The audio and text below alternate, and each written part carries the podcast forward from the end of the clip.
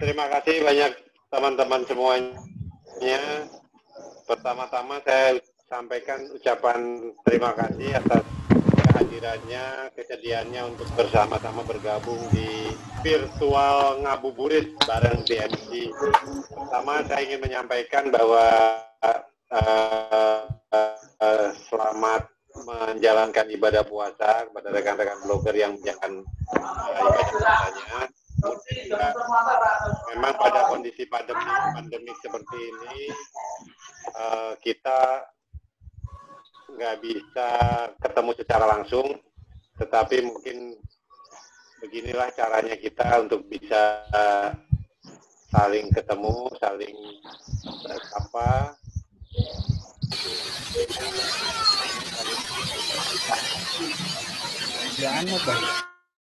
Oke, saling ketemu, saling sapa di dunia maya seperti ini. Jadi uh,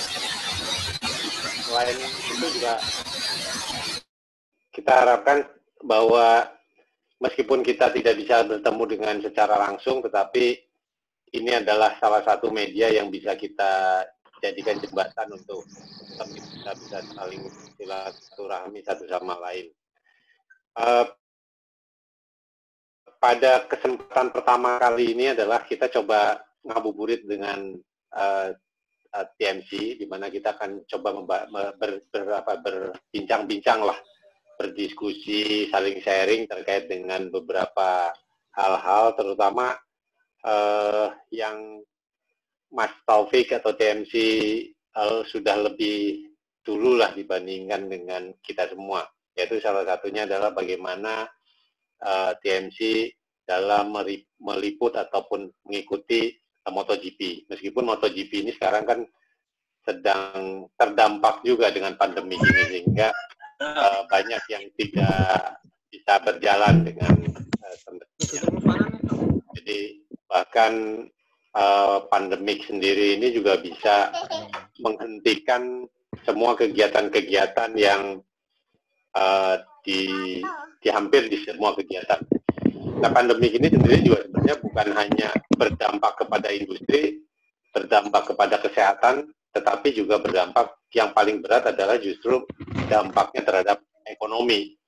Jadi sekarang ini ekonomi yang yang sangat terpukul, terutama untuk teman-teman yang yang tidak menentu lah harian seperti itu ya. Itu yang paling paling terpukul. Nah, oleh karena itu mungkin uh, kali ini kita akan coba uh, bersama Mas Taufik nanti akan uh, menyampaikan beberapa apa berdiskusi terkait dengan uh, uh, apa uh, kesempatan Mas Taufik di tmcblog.com dalam meliput beberapa event-event besar lah katakanlah tadi ada MotoGP kemudian bagaimana Mas Taufik bisa mencapai akreditasi dari Dorna, kemudian juga dan lain sebagainya. Oke, mungkin di awalnya adalah Mas Taufik, kita sapa dulu Mas Taufik. Mana Mas Taufik? Iya Pak. Mas Halo. Taufik. Ah, masuk, masuk, masuk, ya. masuk. Oke. Okay. Ya. Assalamualaikum warahmatullahi wabarakatuh semua. Selamat sore. Nah, jadi apa nih Pak? Selamat sore. Ya. Ya, jadi, pada pada itu. Oh gitu pada intinya sih kita kita sudah kangen ketemu semua nih, yeah. tapi berhubung medianya hanya bisa di online seperti ini, jadi kita mencoba untuk mencari sesuatu yang bisa ketemu. Nah, yeah. Ya, uh, okay. mungkin pada kesempatan pertama ini Mas Topik yang kita mintakan untuk saling sharing di, dengan yeah. kita semua. Silakan Mas Topik. Iya. Oke, okay, Bismillahirrahmanirrahim. Uh, jadi uh, kemarin juga agak kaget gitu diminta Pak Nyoman untuk uh, ngisi uh, materi bukan materi jadi sebenarnya sharing pengalaman pada dasarnya. sharing, sharing. Uh, jadi pengalaman, sharing pengalaman uh, dalam apa namanya meliput dan artinya meliput pada dasarnya. Jadi meliput artinya langsung meliput ke uh, lapangan ke track langsung sebagai media sebagai media. Jadi uh, kalau dalam dalam peliputan MotoGP itu walaupun blogger atau vlogger atau seorang uh, apa namanya selebgram gitu ya atau misalkan konten kreator pada dasarnya dalam kata kata apa namanya kata umumnya konten kreator baik itu video, audio, tulisan semuanya podcast segala macam. Nah itu masuknya dalam media dan ada dua kalau di di MotoGP itu. Yang pertama itu ada media cetak, mereka masih masih me, masih me, memisahkan itu media cetak gitu ya, masih ada di, di MotoGP, termasuk juga media dan kalau untuk kita blogger, uh, vlogger dan termasuk konten uh, kreator lainnya itu masuk ke new media gitu ya. Kalau seperti kita ketahui dalam uh, manajemen uh, apa namanya uh, dalam manajemen media itu ada namanya new wave marketing. Nah, di sini ada new wave media. Kalau di MotoGP, mereka Dorna juga sudah mengenal semenjak lama yang namanya new wave media, di mana media dalam bentuk yang uh, tidak mainstream lagi seperti kayak nulis uh, di apa di koran atau di majalah. Jadi kayak yang sudah nulis, tanpa batas lah ya jadinya. Ya, jadi seperti itu Pak Nyaman. Nah, jadi seperti blogger, gitu TV vlogger dan juga beberapa konten kreator lainnya. Nah, jadi pada dasarnya uh, kenapa saya bisa tiba-tiba nyemplung di sini gitu di di di, di MotoGP sih uh, pada dasarnya lebih ke passion awalnya passion uh, mungkin juga ada hubungannya dengan background ya kalau dilihat-lihat kayak gitu uh, terus habis itu dan uh, yang pastinya pertama itu ada kesempatan pertama masuk. Kenapa? Karena awalnya untuk bisa masuk ke MotoGP itu saya nggak sendiri gitu ya. Karena waktu itu memang ada beberapa yang dibawa gitu ya. Kayak misalkan uh, ngikut uh, pabrikan terus habis itu ngikut beberapa sponsor-sponsor lainnya waktu di awal-awal gitu Sa ceritanya sih uh, sekitar tahun 2010 ya tahun 2010 uh, tahun 2011 itu mulai uh, mulai intens uh, dekat dengan uh, dengan MotoGP. Jadi nggak hanya nulis aja gitu. Jadi langsung uh, nu, apa namanya meliput di di track waktu itu ya. Uh, pengalaman uh, pengalaman apa? Jadi sebenarnya kalau boleh dilihat itu pertama itu saya itu dapat akreditasi itu sebenarnya bukan pada saat pertama kali liputan jadi waktu itu liputan waktu itu pertama di uh, Grand Prix Malaysia di Sepang tahun 2011 gitu ya. Uh, walaupun sebenarnya pada dasarnya saya itu sudah waktu itu alhamdulillah sudah lolos akreditasi di Grand Prix Australia 2010 gitu ya. Cuman waktu itu kalau nggak salah permasalahannya uh, visa saya eh visa paspor saya sudah dipegang sama Kementerian Agama karena waktu itu saya mau haji kan. Sedangkan ya. uh, uh, Grand Prix Malay Grand Prix Australia uh, di bulan Oktober apa September gitu ya mirip-mirip waktunya. Jadi Grand, uh, karena karena paspornya udah dipegang sama Kementerian Agama jadi nggak bisa nggak bisa ke sana waktu itu dan 2010 2011 itu bersama sponsor. Jadi ada sponsor yang uh, apa namanya sponsor yang apa membiayai semua gitu. Walaupun akhirnya uh, itu bersama bersama sponsor itu sekitar sampai sekitar tahun mungkin 2013 gitu ya. Dan tahun 2013 saya sudah mulai coba-coba untuk uh, bisa uh, liput sendiri gini ya. Liput sendiri artinya uh, mendaftar sendiri ke Dornanya gitu ya. Lalu ya sampai sekarang gitu Pak Nyoman tahun 2020 sampai terakhir liputan terakhir di ya gimana Pak Nyoman? Mungkin hal apa yang dilihat Dorna dari Mas Taufik sehingga bisa bisa apa ya bisa oh, iya. bisa klik gitu loh bahwa uh, akreditasi ini bisa iya. bisa berjalan gitu. Mungkin yang pertama yang mungkin juga jadi potensi ya buat kita semua para konten kreator di Indonesia, nggak hanya blogger gitu ya, adalah boleh dibilang hampir nggak ada media di Indonesia, media dari Indonesia yang di media center pada saat itu. Dan mungkin sekarang pun nggak gitu banyak Pak Nyoman. Dari ya. ratusan media yang ada di media center mungkin hanya ada tiga, dua gitu ya. Itu pun di mana di Grand Prix yang besar seperti kayak Grand Prix Malaysia yang dekat itu kalau media nggak nggak banyak Pak Nyoman. Jadi saya juga nggak ngerti uh, pola pikir media Indonesia tuh kena kenapa nggak mau datang padahal kalau sekelas kayak uh, apa namanya kayak otomotif grup gitu atau atau atau bola itu sebenarnya sih yang saya dengar sih mereka nama mereka tuh sudah sudah dipegang sama Dorna gitu. Jadi sebenarnya kalau ada jurnalis yang mau daftar aja harusnya ada, Masih tapi memang tapi memang biayanya ya? tapi memang biayanya biaya sendiri Pak Nyoman kayak begitu. Nah. Kayak misalkan uh, Grand Prix Malaysia biayanya sendiri, kita harus harus harus apa namanya? harus uh, minimal pesawat, lalu habis itu untuk apa? untuk uh, penginapan gitu ya, penginapan. Hmm. Nah, itu mungkin ya. Tapi akreditasinya sendiri pakai biaya nggak Mas Topik ya? Gimana? Untuk, untuk akredita eh akreditasinya untuk bahwa ini bisa ikut ke dalam di dalam apa media centernya itu kan kalau punya pas pas press itu kan bisa masuk ke dalam uh, media centernya itu mereka ya. Karena itu yang iya, prestisnya kan itu kan sebenarnya kan bisa habis itu kan iya. di kartunya ini kan bisa bisa akses ke mana pun akhirnya kan begitu ya iya begitu jadi uh, jadi pertama itu prosesnya tuh sama sih seperti kayak misalkan kita proses mau liputan ke mana ya kayak misalkan ke Tokyo Motor Show gitu sendiri okay. gitu ya walaupun blogger atau misalkan ke EICMA Milan gitu kan.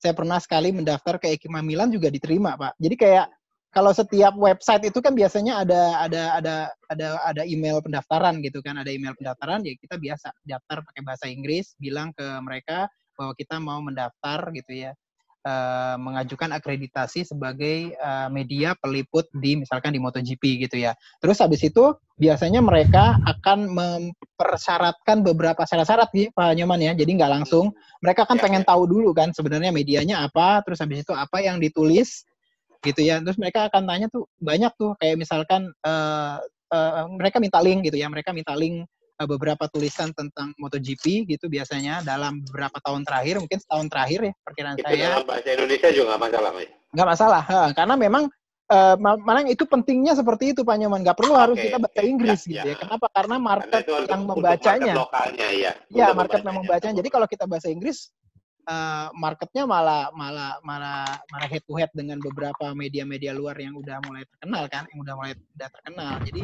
sebenarnya uh, market Indonesia itu yang lebih lebih potensial gitu kan. Nah, jadi setelah itu ada beberapa tuh, saya ingat saya sih macam-macam sih. Waktu awal-awal tuh ada kayak itu beberapa link gitu ya. Terus habis itu ada beberapa data dari Google Analytics gitu ya yang hmm. kita kirim berda uh, langsung dari Google Analytics ya kan ada PDF tuh ya, ada beberapa kayak kayak page view kayak gitu gitulah. Ntar mereka minta apanya gitu ya, minta minta tulisan tentang MotoGP berapa datanya di Google Analytics, nah kayak gitu dikirim gitu ya. Dan itu biasanya uh, proses pengajuannya itu maksimal satu bulan sebelum Grand Prix dilakukan satu bulan. Ya, ada, ada waktu lah ya. Jadi ya, ya. mereka juga menilai kan. Iya, iya, satu bulan. Ya, melakukan. Nah, jadi nggak mereka juga ya. bisa nggak bisa satu pekan atau dua pekan nggak bisa tuh. Mepet itu biasanya ditolak kalau kayak gitu itu biasanya sebulan. Saya biasanya udah mulai dua bulan tuh udah gitu. gitu.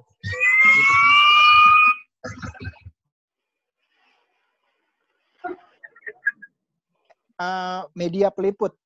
Uh, media peliput uh, Grand Prix MotoGP itu ada dua jenis sebenarnya. Hmm. Sebenarnya ada dua okay. jenis. Yang pertama tuh permanen, nah, permanen press. Uh, saya tidak mengajukan permanen press karena apa? Karena uh, tidak bisa menjanjikan ke mereka saya akan meliput jumlah minimalnya. Ada minimalnya. Jumlah minimal. Jumlah minimalnya kira-kira kalau nggak salah 50% dari Grand Prix. Kayak misalkan 20 Grand Prix harus 10. Nah, permasalahannya kan yang ada di benak saya kan untuk sekarang kan saya harus uh, biaya sendiri kan gitu terutama yeah, ke beberapa yeah. banyak tuh Eropa gitu kan. Tapi kalau yeah. yang Asia Asia aja ke, uh, kebayang gitu kan apa namanya biayanya berapa. Tapi yang ke Eropa tinggi. Nah di ada yang apa permanen ya tadi ya permanen pass ada lagi yang occasional pass uh, jadi yang per Grand Prix baru dikeluarkan. Nah yang per, uh, occasional pass juga ada beberapa jenis. Kayak misalkan dia hanya bisa uh, apa namanya di pedok di pedok aja terus habis itu bisa di service road gitu ya ada juga yang bisa uh, uh, all access all access. Jadi ada service road ada service road tuh jalanan yang ada di pinggir-pinggir lab uh, di pinggir-pinggir track itu kalau salah. Nah kalau yang pedok itu yang sekitaran uh, pit di daerah belakangnya biasanya Pak Nyoman. Terus habis itu lagi kalau yang itu juga termasuk pit lane. Pit lane itu yang di daerah di depan uh, pitnya, tidak pitnya di depannya. Kalau yang pedok biasanya di belakang. Nah, jadi seperti itu Pak Nyoman. Terus habis itu akses ke media center uh, ini termasuk enak kenapa? Karena di media center uh, uh, Dorna menya menyajikan hampir semua semua informasi paling cepat gitu. Uh, macam-macam tuh mulai dari dari pace dari uh, semua sampai uh, jadwal um, in, apa namanya interview langsung dengan pembalap yang biasanya diadakan di akhir setiap sesi hari gitu kan. Misalkan tiga hari ya Jumat Sabtu Minggu di setiap Jumat di setiap akhir Jumat setiap akhir Sabtu dan di setiap akhir Minggu. Dan uh, terutama juga akses ke uh, press conference. Press hmm. conference pada saat misalkan setelah uh, kualifikasi lalu setelah race dengan siapa yang mengambil pole position dan dengan pembalap-pembalap uh, yang ambil uh, yang bisa juara ya, yang bisa masuk podium. Baik Moto3, Moto2 dan MotoGP gitu. Dan eh, nggak uh, ada bayar, nggak ada pembayaran Pak Nyoman. Oh, oh. Tidak ada pembayaran. Jadi uh, tidak ada uang sama sekali gitu. Jadi selama saya dari 2013 ya, jadi 2011 itu meliput masih bersama sponsor, 2013 mulai mandiri, itu sampai sekarang 2020 sampai terakhir saya ngeliput di tes Sepang tes Sepang yang terakhir yang kemarin. Yang kemarin itu yang di bulan Februari kemarin nah, ya. Bulan Februari itu ke Dornanya nggak bayar. Hmm. Dornanya nggak bayar, tapi uh, uh, lebih ke apa namanya expense pribadi aja semua. Akomodasinya pribadi aja. Dia, nah itu biasa bisanya kita nyari nyari hotel yang dekat situ gitu, terus habis itu sehingga sehingga apa namanya kalau misalkan di Sepang contohnya ya, kalau di Sepang contohnya gitu, ke hotel yang deket, terus habis itu transportasinya juga bisa di apa namanya di bisa dicari yang paling murah gitu. Itu hmm. Pak Nyoman. Ya. Tantangannya apa sih Mas Topik kalau jadi suka dukanya apa sih kalau Tantangan. kita ngeliput ke iya. ke mana ke diakuat diakui sama Dorna kayak gitu apa ya? Suka dukanya nih. Sukanya apa nih Topik? Eh, kalau sukanya udah pasti itu dapat privilege semua gitu kan. Uh, lebih cepat biasanya sih. Sebenarnya semua media dapat uh, tapi uh, biasanya kalau yang ada di track lebih cepat. Terus habis itu juga dapat uh, kesempatan untuk interview langsung dengan pembalapnya sehingga kita bisa mendapatkan uh, berita first hand biasanya langsung dari pembalapnya itu biasanya. Hmm. Jadi memang itu passion saya sih. Jadi akhirnya saya pengen gimana sih? Kan pertama kan banyak kan baca, namanya baca dari beberapa tulisan uh, web, web luar negeri yang biasanya nulis tentang MotoGP. Kok mereka dapat gitu ya apa namanya uh, berita-berita first hand gitu ya. Menarik gitu bagi saya sehingga lakuin itu dan memang ternyata memang benar bisa dapat beberapa beberapa apa namanya berita-berita yang first hand langsung dari dari dari orang dari pembalap dari tim dari segala macam.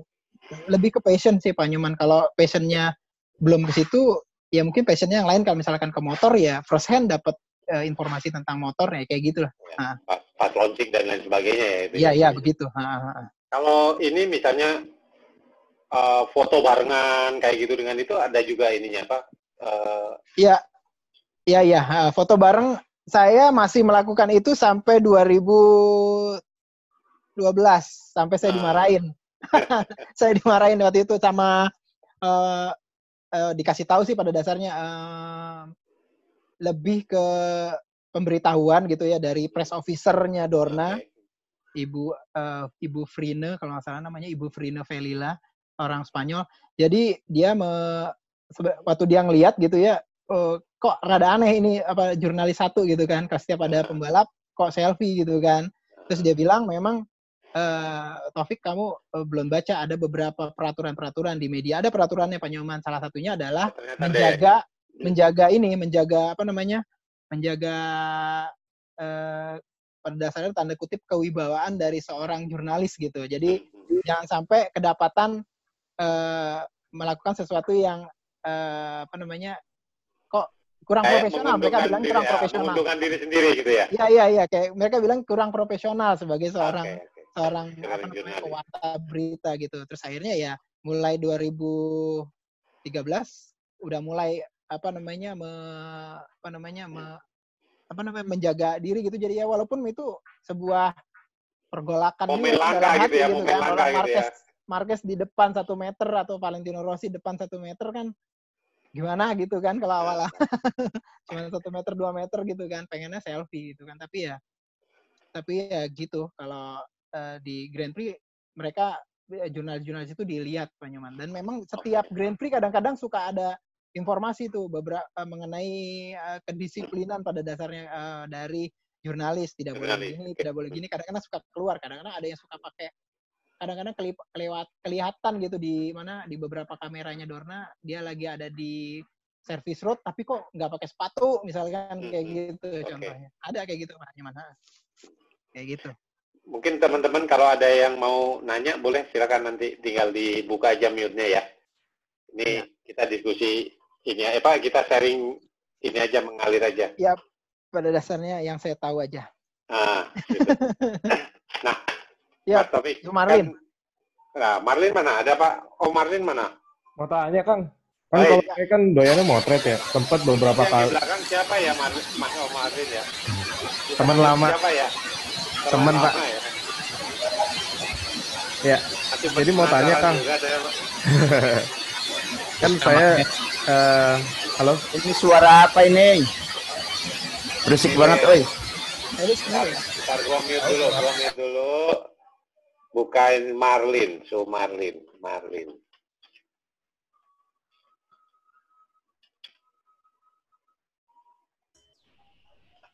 Nah, sepi. Oh, okay. Marlin memang berisik ini.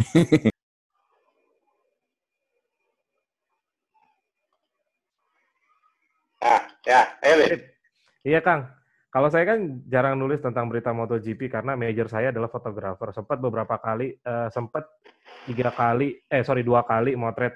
Yang pertama, tapi saya pakai cara curang nih, karena saya cuma punya pedok pas, tapi ada salah satu fotografer senior bilang kalau mau masuk service road dari pedok pas itu kita jalan ke arah mobil fotografer lalu masuk ke dalam service road. Tapi setelah saya coba waktu itu coba masuk ke dalam mobil fotografer mereka Marshallnya nggak ada yang nanyain soal kredensial uh, untuk ya. service road.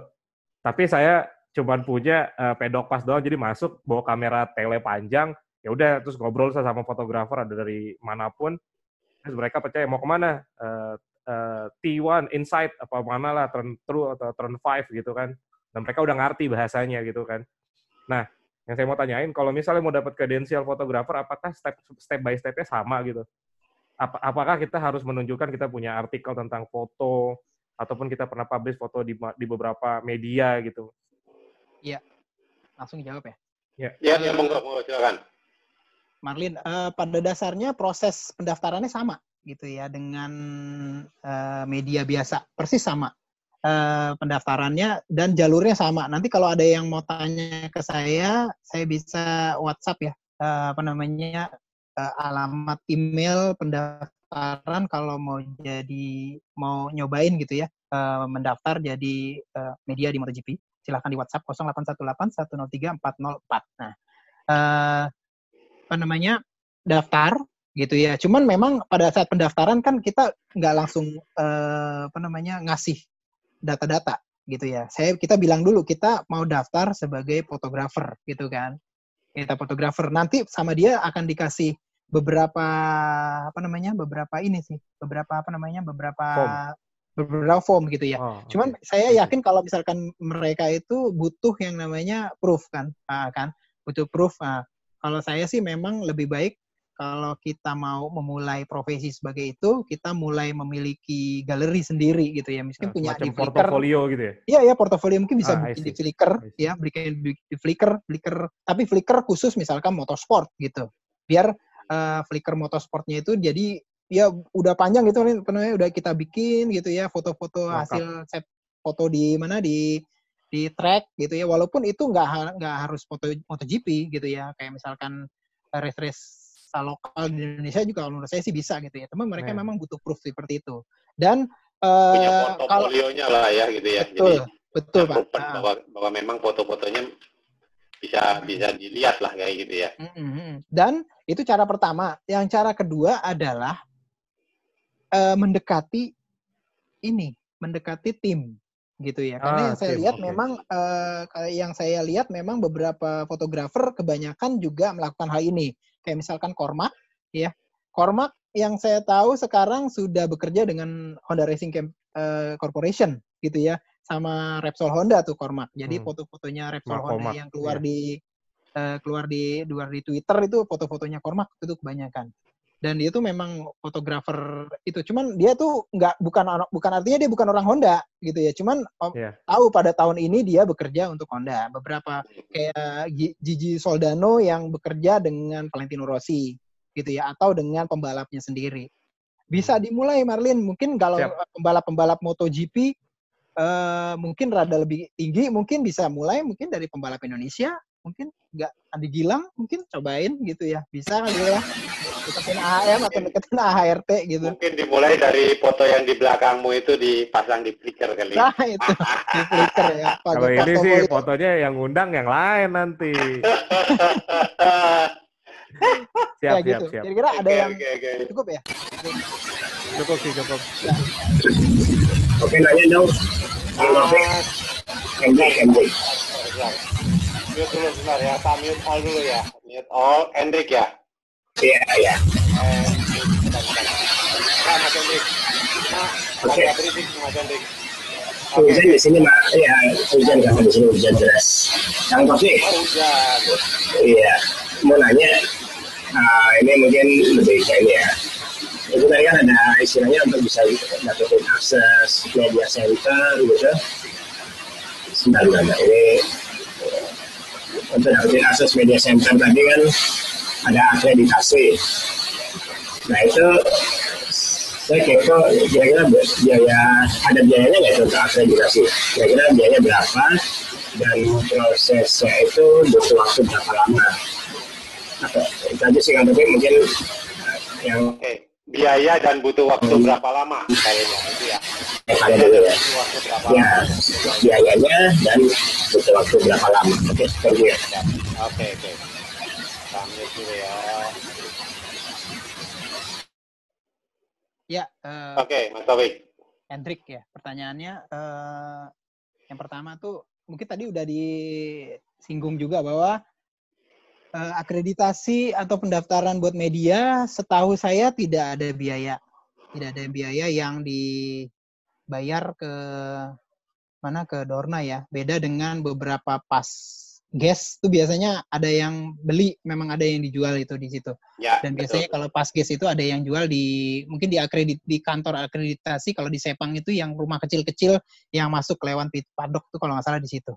Cuman kalau media nggak ada yang jual pas media pada saat hari H. Udah pasti biasanya pendaftaran dimulai dari eh, kalau saya melakukan sebulan sebelum eh, Grand Prix dilakukan, gitu ya. Setelah sebulan pendaftaran itu biasanya eh, kalau saya menanyakan secara informal kepada seseorang ke, via email juga sih ke mereka apakah akreditasi saya sudah di sudah di sudah oke atau belum atau ada yang kurang gitu kan dan biasanya itu dua pekan setelah eh, pendaftaran Eh, lalu eh, secara formal eh, Dorna itu baru mengaju eh, baru memberikan jawaban itu se- eh, secara resmi ya di luar yang informal tadi itu satu pekan sebelum eh, race kalau nggak salah dua pekan atau satu Jadi- pekan Jadi Pekan. cukup mepet juga ya. cukup mepet saat Hmm. melalui email dari itu emailnya tuh isinya anda diterima apa namanya aplikasinya diterima habis itu eh, silakan ambil eh, di sini dengan amplop nomor segini menunjukkan eh, data diri kalau nggak salah paspor ya. Paspor harus bawa paspor asli dan orang yang asli harus ngambil sendiri. Gitu. Gitu. Jadi itu sekitar pengumumannya pas seminggu. Seminggu sebelum eh, Grand Prix dilakukan. Gitu Pak Nyoman. Mas, itu kan untuk yang Mas Taufik yang sudah sudah terakreditasi, eh, Ya. sudah punya itulah punya apa punya punya pengalaman dan sudah terakreditasi. Ah. Tapi kalau teman-teman yang baru nih, kan Mas Taufik kan mengajukan kira-kira satu bulan kata kira-kira Mhm. akan keluar. Tetapi kalau yang baru, yang baru ingin mendaftarkan seperti itu, kira-kira perlu waktu lebih apa satu bulan juga? Karena kan mungkin perlu Iya, iya. verifikasi webnya, perlu verifikasi, verifikasi Ah. vlognya dan lain sebagainya kayak gitu. Iya benar Pak Nyoman. Eh seingat saya dulu waktu 2013, 2014 itu saya melakukannya dua bulan. gitu ya. Jadi kalau dua bulan sebelum Grand Prix Malaysia waktu itu ya, Grand Prix Malaysia. Eh, oh, apa ya?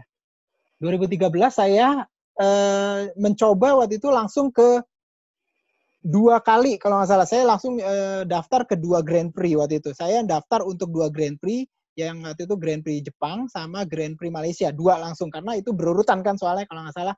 Di Jepang Australia lalu eh, Malaysia. Hanya beda dua minggu. Jadi saya langsung kasih gitu ya. Jadi nggak dua kali dua kali itu. Itu lama sekitar dua bulan. Dua bulan saya kirim. Waktu itu memang ah, lalu mereka alhamdulillah kalau nggak salah waktu itu saya nggak ada review artinya nggak ada review eh, ininya apa namanya tidak ada yang kurang gitu kalau nggak salah ya tidak ada yang kurang eh, persyaratannya sehingga eh, langsung diterima karena memang saya di dalam suratnya itu saya juga menampilkan bahwa saya telah eh, apa namanya em, memiliki akreditasi sebelumnya bersama misalkan beberapa sponsor kayak waktu itu misalkan bersama Shell ya bersama Shell Advance dan beberapa pabrikan waktu itu jadi seperti itu Pak Nyoman. Oke, artinya sudah punya referensi ya. Ini, Ya, ada referensi di awal. Teman kalau yang awal, kalau yang tahun 2011 saya tidak melakukan sendiri waktu itu ya. Jadi ada beberapa bantuan dari dari dari sponsornya gitu. Mas Topik. Ya. Kalau eh, itu kan Mas Topik udah terakreditasinya kan. Nah itu tiap tahun itu perlu daftar ulang atau emang itu hanya sekali untuk selamanya? Misalkan musim 2019 sudah selesai tuh. Ya. Nah ini untuk musim 2020 daftar lagi apa enggak gitu? Oh gitu. Jadi eh sama Mas Ari nih ya suaranya ya. Yo, Ya, eh, betul. Ari, Ari Pitstop, Pitstop from Cilengsi ya. Arianto. Jonggol. Oh Jonggol ya. Cilengsi masih kota, jonggol.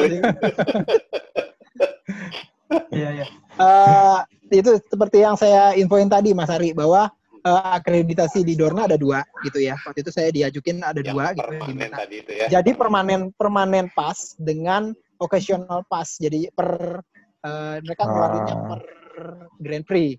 Nah, kalau Per Grand untuk Prix, yang iya. permanen pass, kita harus punya komitmen mau melakukan eh, peliputan itu ada angka angka ininya, angka berapa kali Grand Prix Minimum, gitu ya. minimum Grand Prix-nya Ah. ya. Grand Prix gitu ya. Kalau nggak salah Dalam 50% satu musim Prix. berapa seri gitu ya? Iya, iya, iya, betul, betul. Ah, Oke, Fik. oke. Fik, Iya. Ah, gue mau nanya, Fik. Eh, kan Nanya. kemarin gue baru, gue nggak nanya soal roti, nggak, nggak. Eh, gini, lo satar lo ya. nah gini, gue kemarin baru chat sama si eh, Grace ini kan, dari si Carlo. Iya. Nah, Ah. dia bilang, kan ini kan eh, di Australia ini kemungkinan ada balapan, kemungkinan bisa Iya. ada balapan beberapa. Nah, Iya. itu total kru itu 1.300 orang itu udah all in, all in betul. semua, ya kan? Betul. Nah, katanya itu semua media mau dibatasi, which Iya. is pengalaman gue kemarin di Qatar itu Iya. Eh, mau guest, mau sponsor, mau media itu nggak bisa masuk, tapi Iya. akhirnya kalau udah deket kita dikasih pasnya tuh jadi pit crew, Iya. which is staff, ya. Ah, Nah ah. sekarang untuk musim ini lo gimana nasibnya, Vic? Jadi lo kalau mau masuk harus Ya. jadi pit crew atau tetap jadi media? Soalnya itu jadi Nggak. pertanyaan juga sih dari dari tim Grace ini Indonesia juga kita juga masih tanda tanya gitu loh. Iya. Gitu. Gimana tuh? Ya, yang Mas Ari udah selesai. Oke nggak Mas Ari tadi? Yang ya. Udah, udah, udah, ya. udah. Yang oke. Satar ya. Jadi memang eh, seperti kita ketahui bahwa ada rencana. Jadi belum ada belum ada informasi resmi ya dari Dorna eh, berapa jumlah eh, media gitu ya. Mereka baru bilang bahwa akan mencoba membatasi sebenarnya pada umumnya sehingga kemungkinan media juga akan kena batas, kena kena dibatasi gitu dan eh perkiraan bagi saya sih menurut saya sih tetap akan ada gitu ya. Kenapa? Karena eh, buat Dorna penting gitu ya. Cuman mereka akan membatasi eh, mungkin medianya hanya media yang permanen pas gitu, Tatar. Gitu ya. Kalau untuk yang ke depan mereka tidak membuka buat yang occasional itu bisa jadi kalau untuk 2020. Artinya kalau eh, saya jadi kalau misalkan tahun ini nggak bisa. Kayak misalkan kalau misalkan tahun ini Hodorna hanya membatasi untuk permanen pas misalkan seperti itu ya udah. Artinya tahu diri bahwa tahun ini nggak bisa misalkan eh, meliput kalau misalkan ada eh, Grand Prix atau MotoGP di Sepang di bulan Oktober ya, Oktober akhir gitu. Jadi ya memang harus ikut seperti itu sih. Dan memang sepertinya akan dipangkas besar-besaran tahun 2020 ini dan kemungkinan saya mikir mungkin 2021 pun masih akan berimbas pembatasan-pembatasan Ya. eh, secara total ya. Jadi Ya. kena juga nanti media juga akan dibatasi gitu, Natar. Gimana Tar? Udah cukup? Ya udah cukup. Thank you Fik. Soalnya ini informasi lo ini benar-benar berguna juga buat eh, tim gua, tim Grace ini Indonesia. Eh, thank you Iya. banget.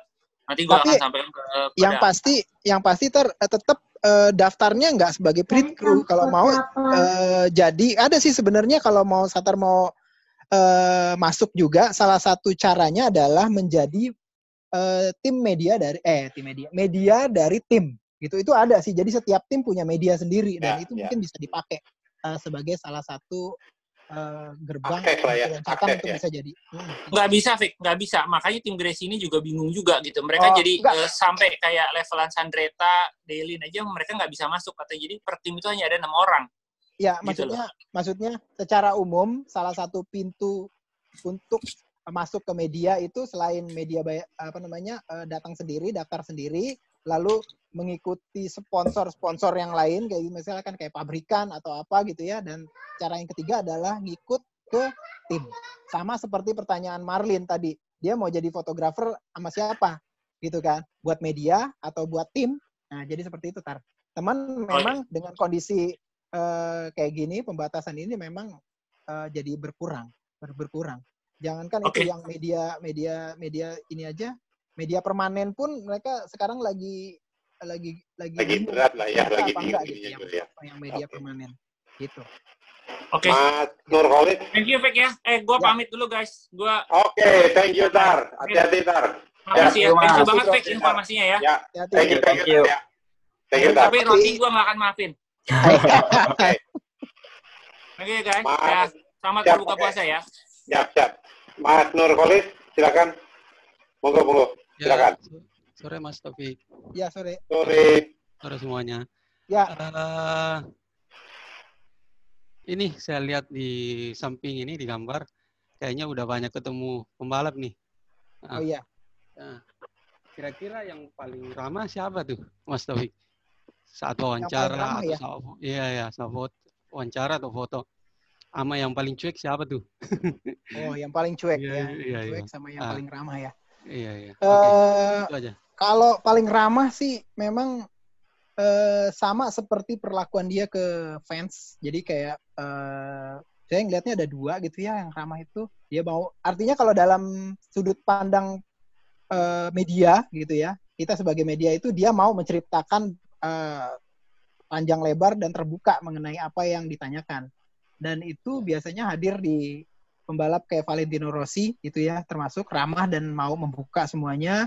Terus habis itu eh eh, apa namanya Mark Marquez dan yang paling belak-belakan menurut saya bercanda segala macam itu dua pembalap Carl Crutchlow sama Jack Miller. Nah jadi seperti itu. Yang se ini saya. Terus kalau yang paling cuek, yang paling cuek Black itu Casey Stoner. Ya Casey Stoner itu paling cuek karena memang setelah diupas-upas memang dia paling nggak suka gitu ya media scrum kayak gitu dia ditanya sama media itu nggak nggak suka. Terus habis itu beberapa pembalap lain eh, yang agak-agak cuek nggak enak itu siapa ya kalau yang sekarang itu eh, mungkin Pedrosa tapi Pedrosa udah nggak pembalap lagi sih ya ya, ya mungkin itu Mas Khalid Finales ya. Maverick Iya, iya. Maverick Iya. enak teman dia memang gaya bicara dia nggak nggak nggak fun jadi jadi ya tapi tetap dia memberikan informasinya sih eh Maverick cukup cukup belak belakan ya kayak misalkan kayak kemarin contohnya waktu saya wawancara nggak saya tanya pun dia ngebocorin sendiri bahwa tahun ini dia akan pakai whole shot device kan itu nggak ditanya sama sekali dia yang bocornya kadang-kadang ya dia bocor sendiri gitu Oke, sip. Thank you. ya mas Oke, ada lagi yang lain? Jangan lupa ya nanti di tengah-tengah kita akan ada quiz. Ya, quiznya ada hadiahnya kan. Tadi kita udah udah ini sharing hadiahnya kayak apa? Eh, lagi. kayak apa? Halo, halo, saya mau tanya nih Mas Topik. Oke, Mas Hadianta, Jogja. Wih, Eh, Iya, gini, dari tadi kan saya dengerin aja itu eh, kalau biaya sendiri itu nominalnya berapa Mas Topik? Misalnya di Oke. eh, di Malaysia paling deket itu eh, minimal harus bawa bekal berapa, terus misal di Jepang berapa, Australia berapa itu. Jadi nanti kan kalau ada yang mau ikut-ikutan kayak Mas Topik kan ada gambaran, oh Ada gambaran. paling enggak saya harus sedia segini gitu ya. Ya itu Mas, terima kasih. Baik, baik. Ya, eh, Mas Adianta. Eh, agak ini juga agak tricky nih ya. Kenapa? Karena eh, dalam persiapan eh, peliputan kayak misalkan contoh yang paling gampang di Malaysia gitu kan.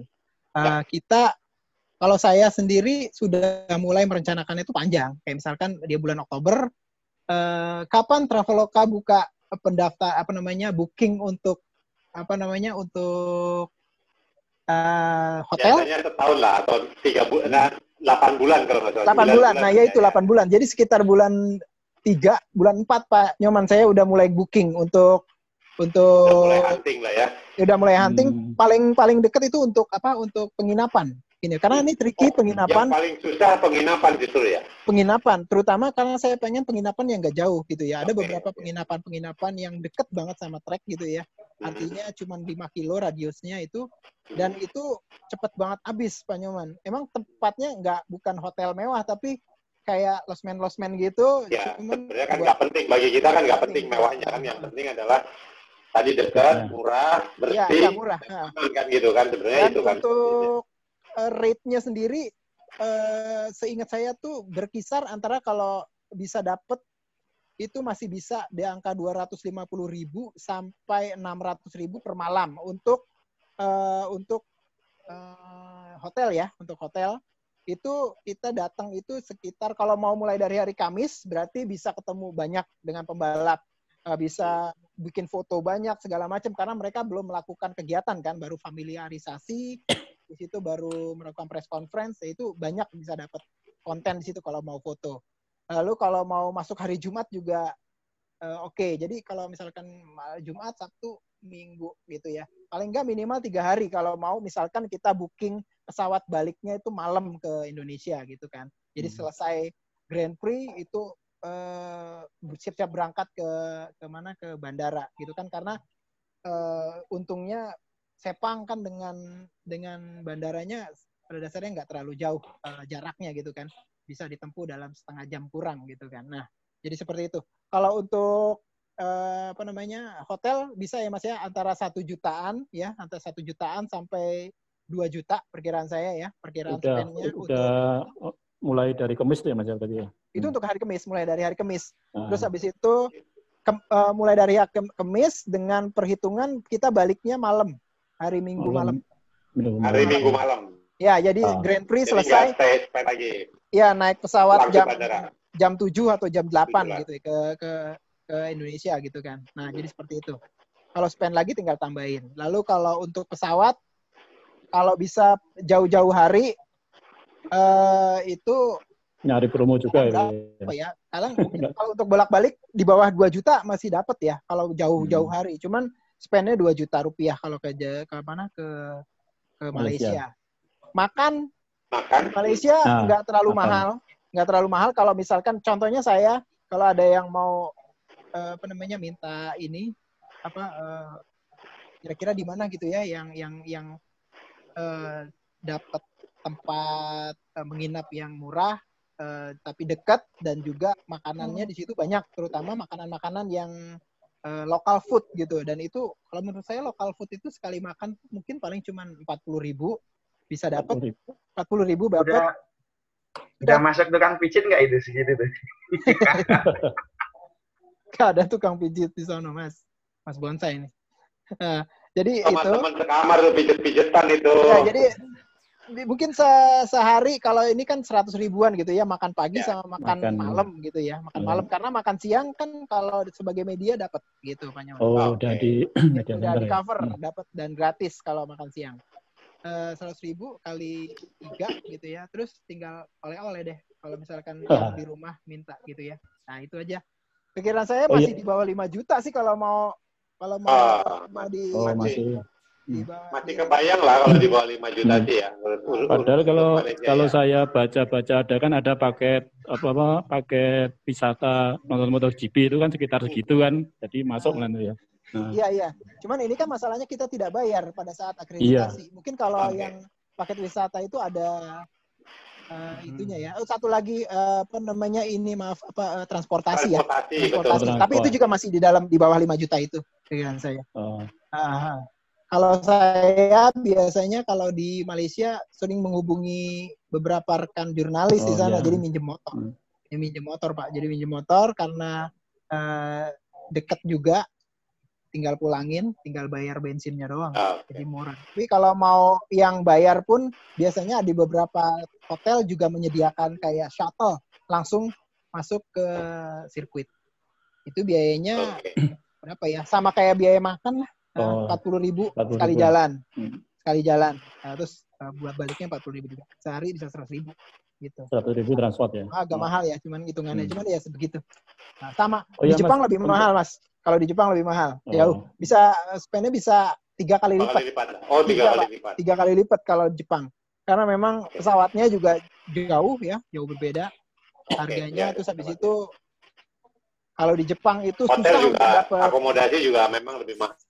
ya. Iya lebih mahal terus habis itu eh, hotelnya jauh-jauh gitu ya hotelnya jauh-jauh kalau nggak di Hmm. Mito di Utsun, Utsunomiya itu jauh banget terus habis itu kendaraannya juga jauh bisa kalau di Jepang bisa tiga kali Bisa, memang ya. itu biayanya Oke. Mas Radian. Mas Irfan ada pertanyaan?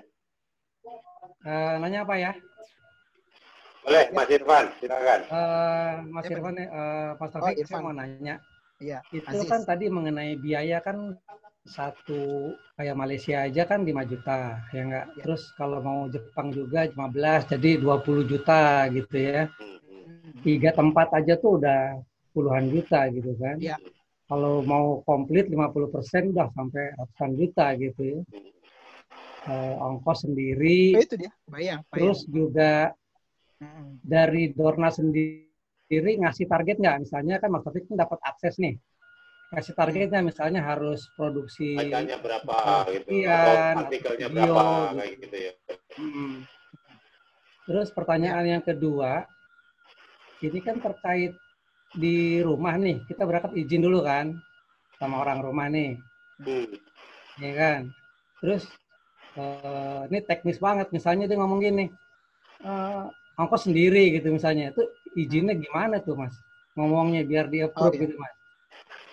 ya eh, pertanyaan pertama Mas, tadi Mas, Mas Topik, Hai. itu intinya juga, intinya juga itu dari doranya dapat amplop enggak? Udah gitu aja juga udah itu.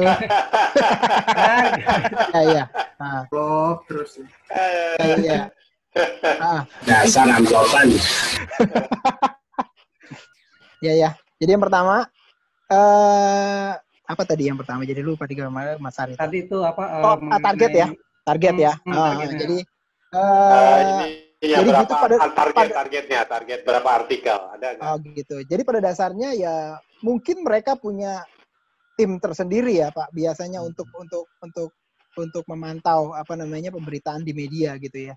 Eh, Hmm. Namun sepengetahuan saya semenjak pertama kali daftar akreditasi belum pernah saya ditanya mengenai eh, berapa tulisan gitu ya. Walaupun nulisnya banyak tapi nggak pernah juga saya apa namanya report gitu. Report juga nggak pernah Nggak gitu ada. ya. Cuman memang eh mungkin mereka ngelihatnya pertama itu pribadi mereka sendiri yang lihat, lalu setelah itu mereka lihat pada saat nanti kalau misalkan orang ini akan melakukan pengajuan lagi, mungkin seperti itu sih. Hmm. Perkiraan saya kayak gitu. Cuman yang pasti saya nggak tahu apa namanya dan nggak pernah ada permintaan dari Dorna untuk eh, melakukan reportase gitu ya. Nah jadi seperti itu. Dan perkiraan saya nggak hanya di saya di, di semua di semua media bahkan yang udah permanen pas yang pasnya sudah permanen pun nggak ada gitu. Terus yang kedua, eh ini tricky pertanyaannya lebih ke pribadi ini ya. Nah, gimana bilangnya gitu ya? ini. Gimana bilangnya? Ini Kalau saya- ini. Mungkin Ini gampang. pertanyaan 90% dari peserta ini sebenarnya ini. Eh, pertanyaannya mungkin karena sudah positioning ya. Positioning saya sudah jadi full blogger itu mulai 2014, Mas Oke. eh, Irfan. Iya. Udah 2014. Jadi semua keuangan dengan keluarga itu udah terbuka. Bahkan eh, apa namanya earning earning semuanya udah dipegang istri saya walaupun saya bisa melihat sekarang kan udah langsung dipegang istri saya yang mengelola. Eh, jadi dia tahu sendiri tapi saya biasanya tahun setiap setiap tahun saya udah bikin perencanaan gitu. Kayak misalkan 2020 ini walaupun memang ada perencanaan kayak misalkan eh, 2020 saya eh, awalnya saya udah merencanakan di awal tahun tuh saya mau eh, liput tuh precision test gitu ya dan itu udah terlaksana. Lalu saya mau liput tadinya mau liput Jepang gitu ya liput Grand Prix Jepang. Lalu mau coba juga eh, Grand Prix Malaysia lagi kalau punya waktu nih ya kalau punya waktu dan tiga kayak misalkan. Contohnya misalkan ada empat peliputan luar negeri yang saya mau cover sendiri. Kayak misalkan yang terakhir itu saya mau liput tetap yang namanya eh, Thailand Motor Expo. Gitu karena tiap tahun biasanya kayak begitu kan ada. Saya pengen liput empat ini ini budgeting udah udah dari awal tahun. Saya udah dari awal tahun eh, dan sudah dialokasikan eh, apa namanya perencanaan-perencanaannya walaupun uangnya belum ada gitu ya perencanaan-perencanaannya sudah dialokasikan dan memang sudah dipisah mas. Sudah dipisah. Eh, apa namanya Hmm. dananya kalau di saya pribadi udah dipisah dengan dengan pemasukan yang lain dan dengan eh, expense yang lain. misalkan untuk bayar bayar internet atau bayar hosting kayak gitu itu berbeda. Dan ini kalau bahkan kalau saya sih pada dasarnya udah nggak minta izin minta izin lagi artinya cuma minta izin bahwa saya punya waktu teng teng teng teng gitu apa namanya eh, waktu mau perginya tuh sekitar segini se- eh, seminggu seminggu gitu ya atau misalkan lima hari lima hari lima hari lima hari gitu gitu selain dari Ini pertanyaan lebih pribadi lagi, Mas. Itu istri nggak ngambek tuh, Mas. Agak diajak-ajak tuh, Mas. Gitu, kan? ya beberapa beberapa triknya ya beberapa ini diajak Pak Nyoman. Kayak misalkan saya Oh, pernah ngajak istri saya di tahun 2000 berapa ya? 15 apa 16 gitu ya. Hmm. saya lupa. Nggak bilang-bilang juga sih. Nggak pernah nulis juga di, di internet. Pasti diajaknya ke tempat yang membuat kapok. Yang Enggak, panas enggak, sekali. Oh, ternyata saya waktu itu eh, meliput dari hari Jumat eh dari hari Kamis bahkan dari hari Kamis sampai hari Minggu istri saya saya baru suruh eh, ke Malaysia itu hari Minggu sore pas saya selesai liputan selesai saya liputan di di trek eh, jemput di bandara lalu berangkat ke KL jadi di saya extend dua hari jadi baru pulang tuh hari Selasa atau Hari hari Selasanya. Ya hari Selasa ya hari Selasa hari Selasa sore atau malam gitu Jadi Itu jadi itu Mas contoh. Irfan, salah satu triknya juga sekali contoh gitu. sekali diajak gitu. Iya. Jadi Baik, ke sana Mas. tuh benar-benar lagi Pak, ya. gitu. Iya. Mas Eko mau nanya ya bagaimana? Ada lagi yang nanya nggak? Ini kalau nggak ini kita saya lanjut. bisa ini ini Pak Anggi itu bisa tarik Anggi kasih ya, kesimpulan kan Anggi. karena Bentar, bentar, ini ada yang buka buka ini ada Mas Marno, Mas Marno. Bentar, ah Marno, Marno Triono. Oh iya iya. Silakan, Ah, silakan Mas Marno. Gini Mas Taufik, eh, mengenai artikel tadi kan tidak ada setoran ke dan sebagainya. Saya mau tanya untuk artikel, entah yang ditulis Mas Taufik atau media lainnya, kalau tidak sesuai, itu ada intervensi dari donor atau dari pembalap gitu. Misal untuk yang kasus dulu pernah rame itu kan Sepang Clash ya, yang Ya. Marquez sama Rossi itu. Kan macam-macam. Misal kalau berita media A nulisnya tidak sesuai dengan kontra dengan media B itu ada intervensi dari zona oh, kamu harus eh, revisi artikel atau eh, lain sebagainya. Itu aja sih. Mas David. Ya pada dasarnya belum pernah dengar saya ya, intervensi. Eh, cuman memang keberatan mungkin keberatan ada. Kayak misalkan keberatan dari pihak yang merasa eh, dipojokkan gitu tetap ada kayak gitu. Cuman itu tidak membuat eh, sang penulis itu harus merevisi. Nah, kalau misalkan si penulisnya bilang saya punya data saya punya saya punya saya punya background eh, penulisan saya kenapa saya berani nulis seperti ini ya silahkan aja gitu kan tinggal di tinggal di eh, nanti dilihat apakah salah atau benar. Pun kalau misalkan penulisnya salah pun dia bisa menuliskan sebuah artikel apa namanya revisi bukan revisi sih jadi arti artikel update gitu update berita bahwa ternyata yang saya tulis itu tidak sesuai dengan faktanya jadi yang faktanya sebenarnya kayak gini. Karena itulah kalau menurut saya yang pentingnya dari seorang jurnalis kalau di Grand Prix itu itu lepas dari ini dari kecenderungan suka terhadap tim atau pembalap yang uh, ini. Karena uh, maksudnya begini ya pada dasarnya diri kita sih pasti punya punya kecenderungan gitu ya suka terhadap pembalap yang mana. Cuman pada saat melakukan peliputan itu uh, itu sebisa mungkin dilepas itunya. Apa namanya pada saat menulis kayak gitu. Jadi tendensi tendensi menulis tendensi tendensi apa jadi dihilangkan dulu gitu ya kita menuliskan kayak gimana dulu data data atau apa yang terjadi dan berdasarkan apa yang apa namanya eh, berdasarkan apa yang terjadi sebenarnya kayak gitu. Ya sebenarnya ini mungkin salah satu dari kode etik jurnalistik lah ya jadinya iya, ya. Jadi mungkin kayak gitu ya. Mana Pak. satu pemberitaan itu harus berimbang gitu antara uh, positif dan negatifnya gitu ya. Dan dan itu tidak menutup kemungkinan orang untuk melakukan su terhadap tulisan-tulisan kita gitu. Bisa hmm. itu. Itu sebenarnya yang perlu kita kita perhatikan dan kita pertimbangkan dalam pada saat kita menulis. Oke, okay, ada siapa lagi? Mas Aryanto Yugo. Ah, mau mau bertanya? Siapa? Alki ya. Alki, Alki Waji. Oh, Alki, Alki. Oh, ya. Silakan. Giliran dari tadi nih. ya, ya. Oh, Waji, Assalamualaikum. Salam. Waalaikumsalam. Ya, jadi mau nanya, Wak. Jadi berdasarkan pengalaman kan saya pernah juga nih meliput ya. walaupun gratisan gitu lah ya. pernah gitu kan maksudnya. Ya, ya pernah nonton uh. Bareng sama Larry Pitstop tuh orangnya lagi diem aja tuh.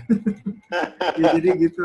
Uh, jadi gini Wak, uh, waktu pertama pengen berangkat tuh ya, saya udah nyiapin hmm. pokoknya saya mau nulis ini, ini, ini, ini, ini, dan saya udah ngedraft ini, ini, ini, ini. Nah, setelah sampai sana, Wak, itu biar semua saking karena kita punya adrenalin yang tinggi banget gitu Jadi udah sampai sana kita fokus ke foto, ambil video, foto bla bla bla.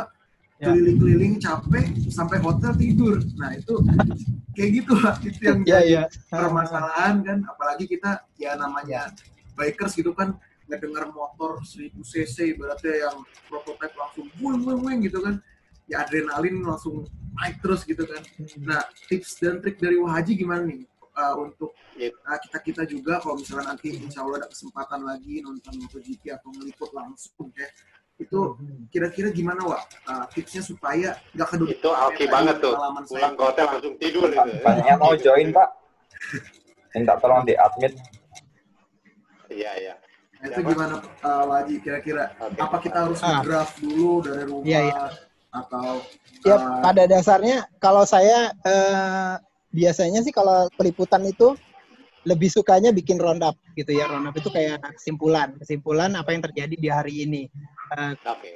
itu salah satunya salah satunya. Uh, kalau misalkan ada beberapa kejadian kejadian-kejadian spesial emang nggak bisa di draft kayak gitu. Bener agak susah untuk di draft gitu. Yang bisa di draft adalah kayak misalkan gini hari ini siapa yang tercepat secara secara akumulatif. Nah itu doang paling yang bisa tercepat atau kayak gimana gitu ya. Itu bisa di draft. Cuman beberapa hal-hal lain tuh uh, kayak misalkan pada saat melakukan uh, interview dengan pembalap kan mereka menceritakan sesuatu, kan? menceritakan sesuatu kayak misalkan dan itu biasanya sih uh, uh, pertama kali didengar, bayangkan tuh, bayangkan pertama kali didengar kalau pembalap bilang gitu, terutama kalau misalkan contohnya peliputan Sepang tes gitu ya, itu motornya baru, semuanya baru, banyak hal-hal yang baru yang mereka uh, bicarakan dan itu hal yang baru. Dan itu nggak bisa di di kadang-kadang memang nggak bisa di apa nggak bisa di draft oke yang bisa di draft itu biasanya malam-malam tuh kesimpulan.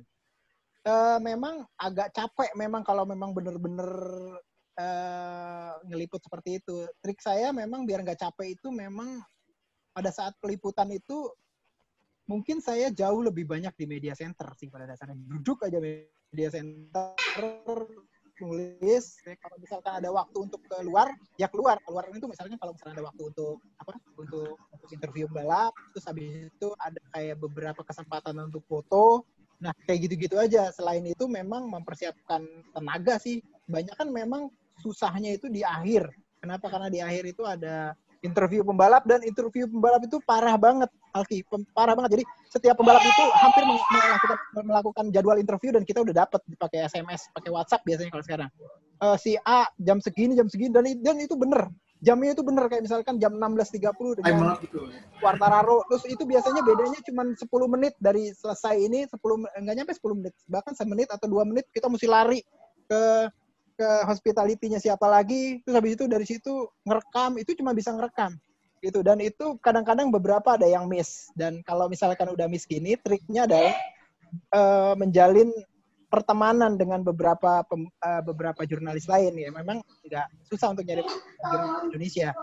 Jadi kayak apa namanya karena kan ada beberapa pembalap yang eh, misalkan melakukan interview itu bareng gitu ya. Nah kita bagi bagi ini bagi bagi, bagi tugas. Kamu ke sana terus habis itu terakhir saling tukeran file ini file recording biasanya kayak gitu. Dan setelah itu memang kalau dilihat dari kegiatan itu kegiatan eh, jurnalis itu mulai menulis itu kebanyakan itu mulai jam 4 sampai malam gitu ya. Kalau ngelihat dari Sepang itu lampu di media center itu biasanya baru mati itu jam 10 malam gitu. Dan biasanya masih ada aja apa namanya jurnalis yang nulisnya di situ gitu. Dan memang kalau saya sendiri kalau saya punya apa namanya kalau punya kendaraan pas lagi bawa kendaraan dipinjem gitu misalkan pinjaman dari teman itu biasanya memang malam. Pulangnya bisa jam 10 jam setengah 10 baru pulang dan baru tidur di hotel gitu. Dan semua pekerjaan eh, posting posting tunda segala macam dilakukan di di track gitu. Jadi seperti itu Alki. Jadi, Jadi langsung memang, langsung memang gitu harus, ya. harus punya punya strategi sendiri sih. Karena kalau udah biasa tuh tahu lah. Eh, eh, review apa namanya interview balap jam segini itu ayah. yang lain itu baru ada lebih lebih apa lebih santai. Kayak melakukan tulisan-tulisan yang ringan-ringan itu biasanya pada saat biasa sebelum sebelum sebelum the brief mereka bilangnya the brief ya Pak eh, interview dengan pembalap itu Mungkin capeknya kesalahannya kesalahannya di situ ya Wah, ya, lumpukin di akhir ya. Ya Jadinya sama, saya juga kepegang. 2011 juga begitu. Wah capek banget. Sampai soalnya udah blank, sampai di hotel udah. Apalagi hotelnya di KL gitu kan. Karena ngikut ngikut sponsor, terus habis itu harus pulang ke KL. Dari Nah, Sepang ke KL aja capek sejam. banget, Ya, dari Kepang ke KL sejam. Wah, udah jauh banget. Dan itu udah capek, sampai sana tidur. Nah, sama. Itu alki banget lagi, alki banget tuh. Iya, Di saya banget Pak. tidur. Nempel kasur molor. Iya, kayak gitu. Cukup Alki. Oke, siapa lagi? Oke, Siapa lagi yang mau tanya? Ini ada Mas Gufon. Mas Aziz. Mas Hmm. Aziz. Eh, Oke. Coba dulu. Ketemu iki, piye kabare, Cak? Alhamdulillah. Ah? Apik. Wah, Saya nih. Ya. Siap, siap. Oke oke. Eh, selamat sore buat teman-teman semuanya. Sore buat Pak Haji Taufik. Jadi ada sedikit pertanyaan ya. Hmm, Mungkin tentang bagaimana eh, menyenangi MotoGP itu sendiri. Jadi kalau saya sendiri ngikutin MotoGP dari era apa ya dari FC Dinastro Azzurro, terus Ya. Turbo saing-saingan di 250 cc itu, terus entah kenapa eh, saya merasa MotoGP era yang modern yang canggih saat ini mulai membosankan. Mungkin satu-satunya permainan uh, Marquez kali ya yang bisa membuat agak berdebar. Nah, sebenarnya kalau fans MotoGP sendiri kalau datang sendiri di sirkuit itu apakah terbawa aura sirkuit terus dengan otomatis dengan sendirinya eh, rasa rasa apa ya rasa maniak banget sama MotoGP itu bisa timbul kembali. Kalau saya sendiri puncak Adrenalinnya lah, adrenalinnya Iya. ya. Hmm. Ah, kalau saya sendiri puncaknya senang MotoGP itu saat si Giberno gabung sama Telefonica Movistar. Nah, Iya, 2002 ya. saya membosankan Pak. Jadi, sampai kalau dulu tuh nonton MotoGP nggak boleh ketinggalan satu satu lap pun. Kalau sekarang mungkin nggak nonton GP, saya masih bisa tertolong main-main motor yang lain. Nah, itu gimana menurut Adi? ya eh, memang eh saya juga artinya melihat bahwa memang ada perbedaan gitu ya, ada perbedaan eh, dari perlakuan pembalap terhadap eh, motor juga terhadap eh, acara Grand Prix-nya itu sendiri.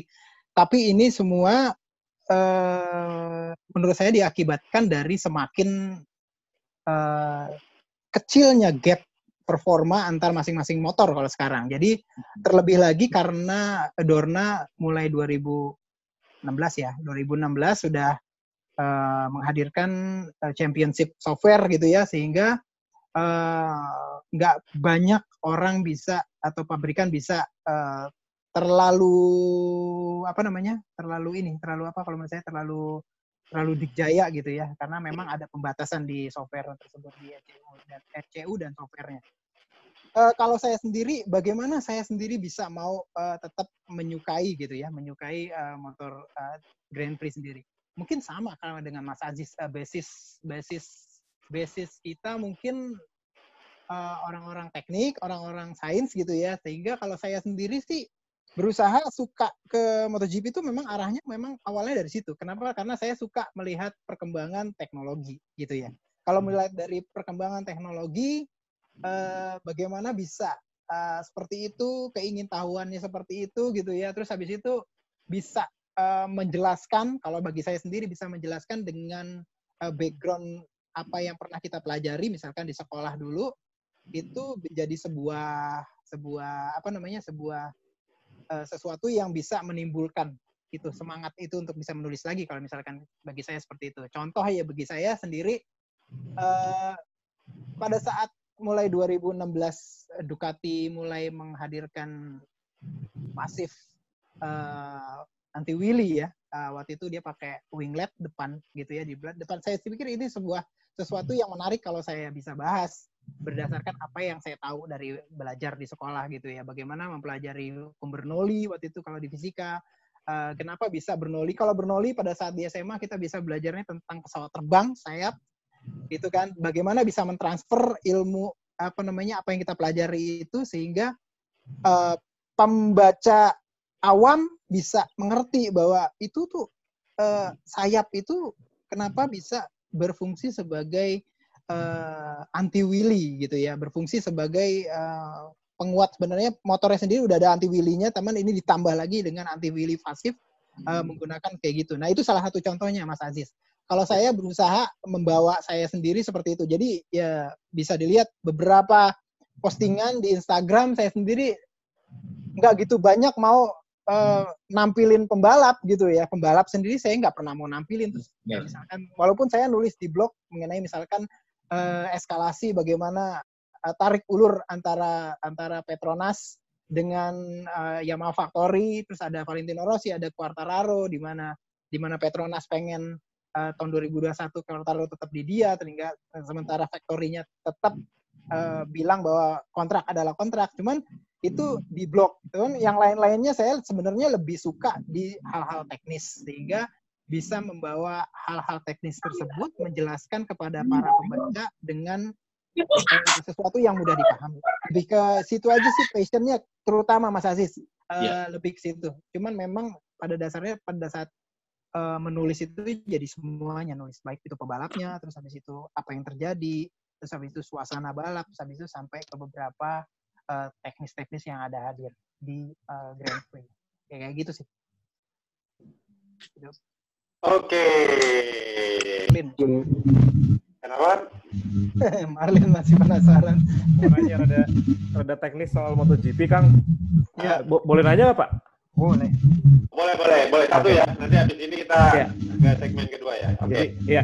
Jadi Kang Haji, uh, satu bulan terakhir ini gue lagi ketemu sama motor-motor aneh, mulai dari Ducati Triple Nine, RC30, dan ternyata RC30 itu ada beberapa di Indonesia motor ya. langka. Dulu semua. Sorry, sorry. Sorry, mute dulu. Uh, nyalain aja, Lin. Punya, punya. Oke. Okay. Haji? Ya. Oke. Okay. Ya, Kedengeran Mas Topik? Ya lanjut lanjut. Ya lanjut. Oke. Okay. Uh, jadi satu bulan terakhir ini gue lagi sering ketemu motor aneh ya, mulai dari Ducati Triple Nine, terus RC30 sampai NSR. Pokoknya beberapa motor-motor aneh gitu kan. Ya, yang aneh sih, yang paling aneh tuh motor RC30. Dia pakai uh, ban belakang 18 inci, tapi pernah juara Superbike. Nah, selain itu juga ada di salah satu garasi teman gue, dia punya Desmo Sedici, itu ban belakangnya itu kan 16 16 inci. Iya, 16 16 setengah apa 16 inci. 16 setengah. Hmm. Nah, itu sempat disinggung sama owner motornya. Hmm. Ternyata kan MotoGP pernah ada penggantian ban tuh dari 16 ke 17 ya. Iya. Itu dan dari Pak Bikan dari Bradstone ke Michelin. Nah, kalau dari analisa Kang Haji sendiri tuh kenapa mereka sampai pindah dari 16 ke 17 dan reaksi pembalap waktu dirimu menanyakan ini gimana tuh? Apakah ada perbedaan ergonomi atau riding feel atau mungkin hal-hal teknis lainnya? Itu sih Kang. Yang gua penasaran banget. Ya, memang benar eh, ada beberapa perubahan, terutama pada saat Bridgestone pindah ke Michelin, eh, ban dengan ring 16,5 inci pindah ke 17 dan yang seingat saya sih memang pada saat itu eh, banyak banget. Karena memang eh, ban itu kalau di MotoGP ya di motor pada dasarnya eh, hal-hal lain itu bisa masih bisa dioprek gitu ya artinya gitu.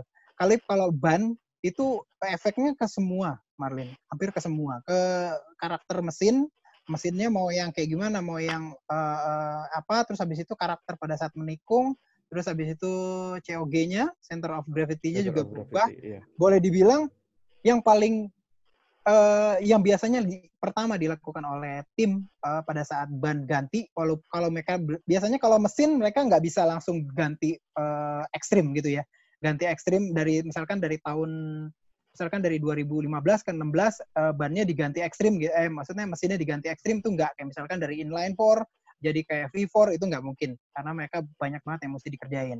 Yang biasanya mereka tuh menggunakan basis tahun yang lalu Cuman kalau pada saat eh, melakukan pergantian ring ban itu yang dilakukan pergantian pertama adalah sasis. Oh. Karena sasis adalah eh, apa namanya bisa memberikan respon yang eh, eh, paling dekat ke ban gitu ya. Karena memang eh, ban adalah sebuah tanda-tanda sih, bilang boleh bilang tanda-tanda yang bisa dirasakan oleh pembalap mengenai karakter feel dari eh, racingnya si motornya itu. Jadi pertama yang biasanya diubah itu ya swing arm sasis itu artinya dari mulai dari suspensi depan ya suspensi depan eh, sasis utama subframe sampai ke swing arm belakang dan suspensinya.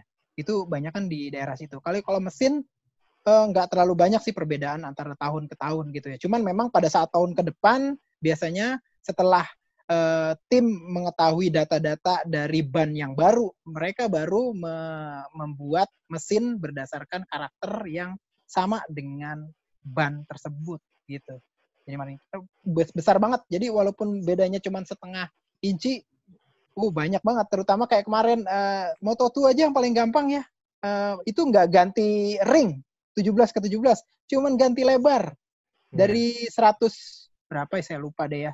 Pokoknya naik satu ya kalau nggak salah dari 100 ban belakangnya kalau yang Moto2 tahun 2019 itu dari 180 ke 190 atau dari 170 ke 180 naiknya cuma gitu doang jadi lebih lebar dan itu oh banyak banget ngerusak eh, ini apa namanya reading feel-nya pembalap gitu ya. Kayak misalkan tadinya di Moto2 termasuk ini yang menjadi salah satu analisa kenapa Alex Marquez eh, bagus di 2019 karena kalau dilihat dari grafiknya tahun 2019 itu dia itu mulai bagus pada saat eh, Dunlop ya Dunlop ya bannya ya Iya, itu. Dunlop. Dunlop itu menghadirkan ban yang lebih lebar gitu ya. Mungkin karakter karakter menikungnya lebih lebih lebih pas dengan ban yang lebih lebar sehingga traksinya lebih banyak. Gitu sih. Itu salah satu perbedaan. Hanya lebarnya doang aja udah bisa menghasilkan perbedaan apalagi kalau sampai ke ringnya. Itu jauh banget perbedaannya akan terjadi. Itu rider gak ada yang ngajuin banding, "Eh, udah deh ban, gak usah di ini, atau mereka ya udahlah kita sebagai rider terima aja gitu. ya rider sih sebenarnya eh, lebih ke pabrikan kayak gitu-gitu ya. Oh, Eh, oke. sebab sebab sebab eh, suatu apa namanya hal ini tuh menguntungkan atau merugikan tuh lebih ke pabrikan. Ya, jadi bukan ke pembalap gitu ya. Pembalap sih Hmm. nanti dia bisa mencari eh, reading feel karena ini terjadi di semua pembalap udah pasti kan. Walaupun memang pada akhirnya bisa menguntungkan satu pembalap tertentu yang ternyata ban tersebut lebih pas ke pembalap tertentu kayak misalkan tahun 2019 Alex Marquez gitu contohnya. Nah, tetapi mereka nggak bisa apa-apa karena memang eh, apa namanya kerja sama Do- Dorna dengan supplier ban, supplier ban sendiri nggak dibayar, Marlin. Supplier Hmm. ban, setahu saya nggak dibayar. Oh, ya? Supplier ban baik itu Dunlop maupun Michelin itu nggak nggak nggak dibayar sama sekali. Sedangkan mereka diharuskan memiliki sebuah support yang benar-benar luar biasa ke pembalap. Eh, bahkan pada saat awal-awal masih ingat kan antara kejadian Argentina dengan dengan Texas gitu ya, di Iya. mana di Argentina kejadian ban meletus sehingga di Texas yang which is artinya dua minggu eh, se- sesudahnya atau seminggu sesudahnya mereka harus sedia menyiapkan ban dengan spesifikasi baru. Artinya dia telepon langsung ke Prancis, dibuatin ban dengan spesifikasi, spesifikasi baru, langsung dikirim lagi ke Amerika. Itu kayak begitu susahnya jadi jadi supplier ban tunggal di MotoGP. Iya, iya. Nggak dibayar, tapi memang eh, image-nya dapet dan kerjaannya juga gede banget. Yes, yes, yes. Menarik, Aduh, menarik. ini lagi Mas Topik. Oke, thank you ya. Eh, Mas Topik kan eh, setelah eh, di jadi blogger, kemudian jadi blogger kan kemudian meniti naik lah jadi sebuah se- seorang komentator di MotoGP Hmm. eh, live ya di salah Iya. satu stasiun TV. Nah, Pak. gimana nih ceritanya nih Mas Topik bisa sampai dipilih atau jadi caranya gimana nih sampai bisa jadi gitu? Ya, eh, mungkin yang pertama dulu Iwan ya.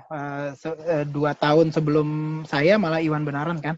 Ya, Eh, eh, jadi komentator persis di posisi yang sama, komentator utamanya di komentator kualifikasi. Kualifikasi ya. Ah, cuman eh, eh, stasiun televisi waktu itu eh, setelah saya tanya kok bisa dapat nama saya gitu, terus mereka ternyata punya data gitu ya, punya data di mana memang saya beberapa tahun sebelum itu pernah jadi komentator juga di stasiun TV lain, eh iNews ya kalau nggak salah ya iNews. Tapi waktu itu masih eh, balapnya Asia pak, Asia Road Racing Championship ya waktu itu dan datanya dari situ.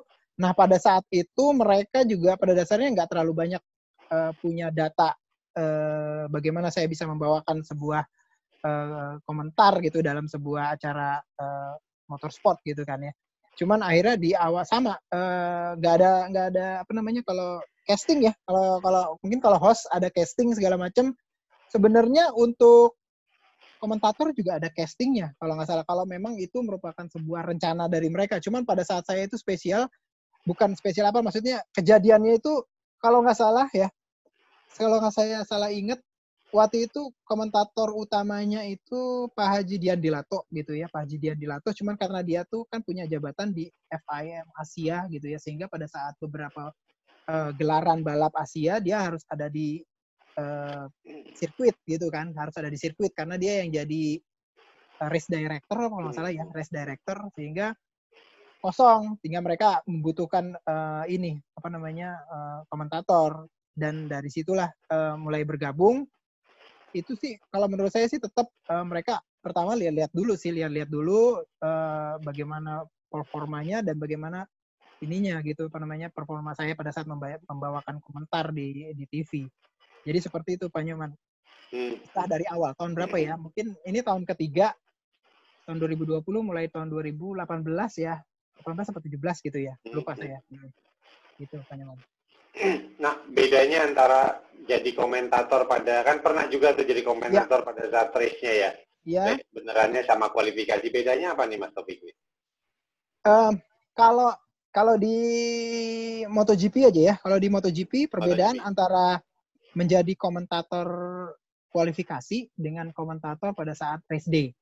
Em, komentator di kualifikasi jauh lebih analitis, Pak Kalau kualifikasi kalau nggak salah kan rekaman kan? Iya, Rekaman ya. eh, hasil itunya sih rekaman.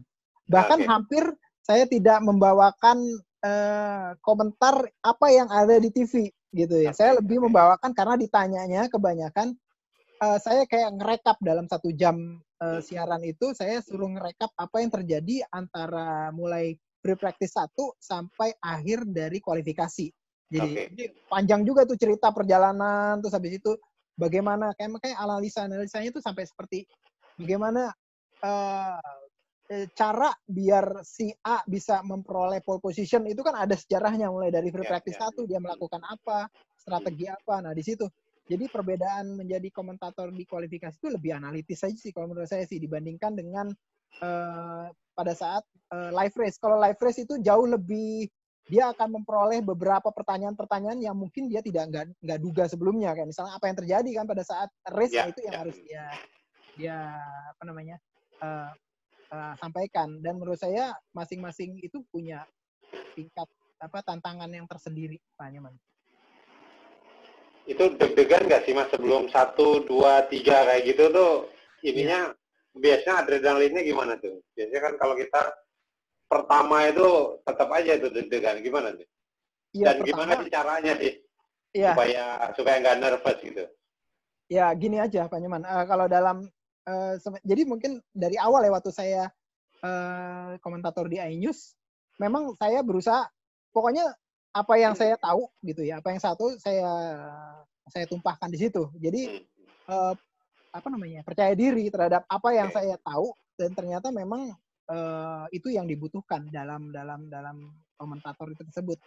Eh, perkara kesalahan mungkin di awal-awal itu ada kesalahan kayak misalkan saya kalau ngomong memang biasa cepet banget gitu kan kalau misalnya ya, di awal ya. kadang-kadang suka wah mas kecepetan eh, ngomongnya karena eh, sulit untuk bisa dilihat bagaimana eh, misalkan menjelaskan sesuatu yang teknis kadang-kadang gitu gitu keluar gitu terlalu cepet ngomongnya terlalu cepet sehingga ya ya di itu namanya Ya, di, diminta untuk lebih lambat itu, lebih untuk lebih lebih. ya. pelan kayak gitu dan itu memang secara umum berjalan ke, ke depannya gitu ya. Dan kalau di sebenarnya kalau dalam kalau dalam kualifikasi Pak Nyoman lebih mudah gitu ya. Karena apa? Karena pertanyaan-pertanyaan itu bahkan saya udah tahu dia mau nanya apa. Oke, gitu. Sudah pada sudah saat di sudah di ini dulu ya, sudah udah brief, di udah ada ya, brief sudah di brief Nyoman. dulu. Jadi kalau di eh, siaran kualifikasi itu se- sekitar dua jam, dua jam ya bahkan dua jam sebelum on air saya dengan host ngobrol gitu ya. Kita ngobrolin apa dan dia mau tanya apa. Dia dia punya pertanyaan, dia punya pertanyaan.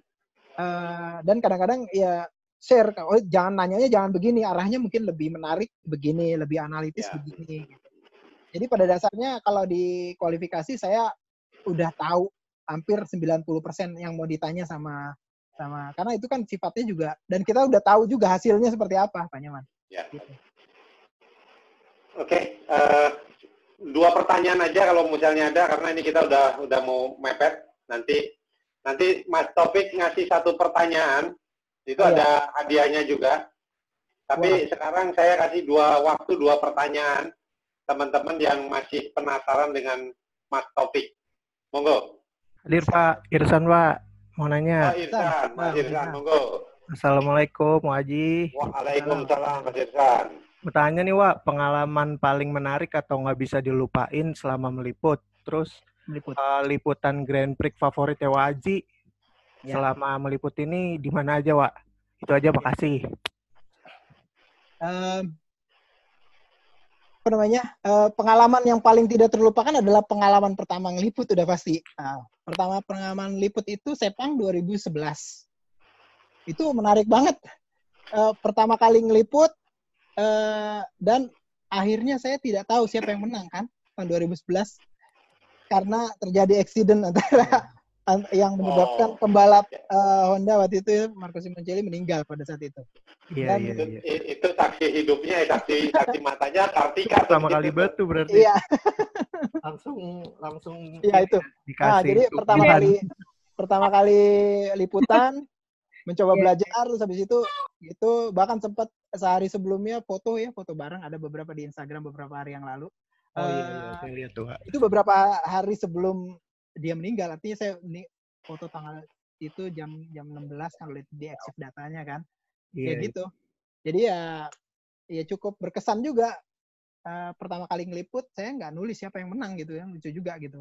Eh, pengalaman yang paling enak gitu ya paling suka saya memang Grand Prix itu ya yang paling mudah dan paling enjoy memang Grand Prix Malaysia. Cuman gitu eh, mungkin tantangan itu yang kurang ya. Nah yang paling menarik bagi saya adalah peliputan Grand Prix Jepang gitu ya. Lebih karena kalau Grand Prix Jepang tantangannya gede gitu ya. Karena itu persiapan mesti setahun boleh dibilang setahun. Jadi pada saat Grand Prix berjalan itu udah mulai persiapan. Saya mau eh, liput Grand Prix Jepang persiapan semuanya eh, mempersiapkan semua. Bahkan sampai karena perjalanannya kan pribadi ya perjalanan pribadi itu saya sampai riset bagaimana jalan dari Haneda ke ke mana ke stasiun yang utama Shinagawa. Terus habis itu dari Shinagawa saya naik eh, naik apa?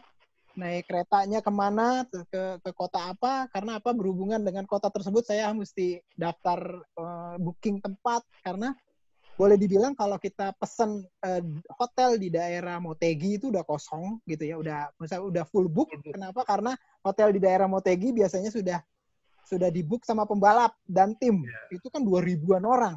Iya, iya. dan dan Motegi sebuah bukan kota besar gitu lah ya. Boleh dibilang ya kayak jonggol gitulah gitu. Boleh dibilang. Gitu, kecil kecil banget gitu. Yang kecil banget dan ah boleh dibilang nggak banyak lah. Dan itu eh, bagaimana harus jalan sendiri terus habis itu dan itu dan sampai sana juga eh, Grand Prix Jepang eh, eh, boleh dibilang sih beda gitu ya. Saya pernah meliput di Grand Prix eh, beberapa ya di Qatar pernah beberapa dua kali di Qatar. Qatar eh, atmosfernya kurang motor banget. Jadi orang Qatar sendiri kurang kurang kurang bergairah Kurang gitu. excited gitu ya, Wak ya. Ya, kurang banget. Jadi penonton terus habis itu di grandstandnya juga kurang kurang rame lah, kurang gitu Hmm. terus di di ma di Misano pernah eh, cuman Misano itu Eropa banget ya. Saya nggak bisa enjoy ya. Eropa banget. eh, Eropa banget gimana maksudnya, Wak? Gimana? Gimana maksudnya Eropa banget tuh?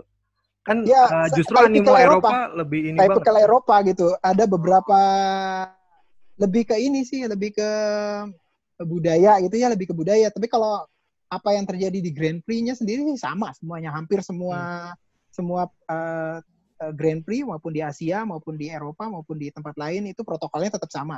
Hmm. Eh, cuman memang lebih ke eh, suasana aja sih suasananya kalau Eropa. Eh, tapi saya baru bilang Misano belum Eropa Eropa yang lain karena mungkin di Eropa Eropa yang lain lebih enak gitu. Saya nggak tahu. Cuman kalau bagi saya yang berkesan tetap eh, untuk selama ini sih Motegi karena tempatnya cozy ya tempat Oke. eh, tempatnya cozy kalau Motegi kan.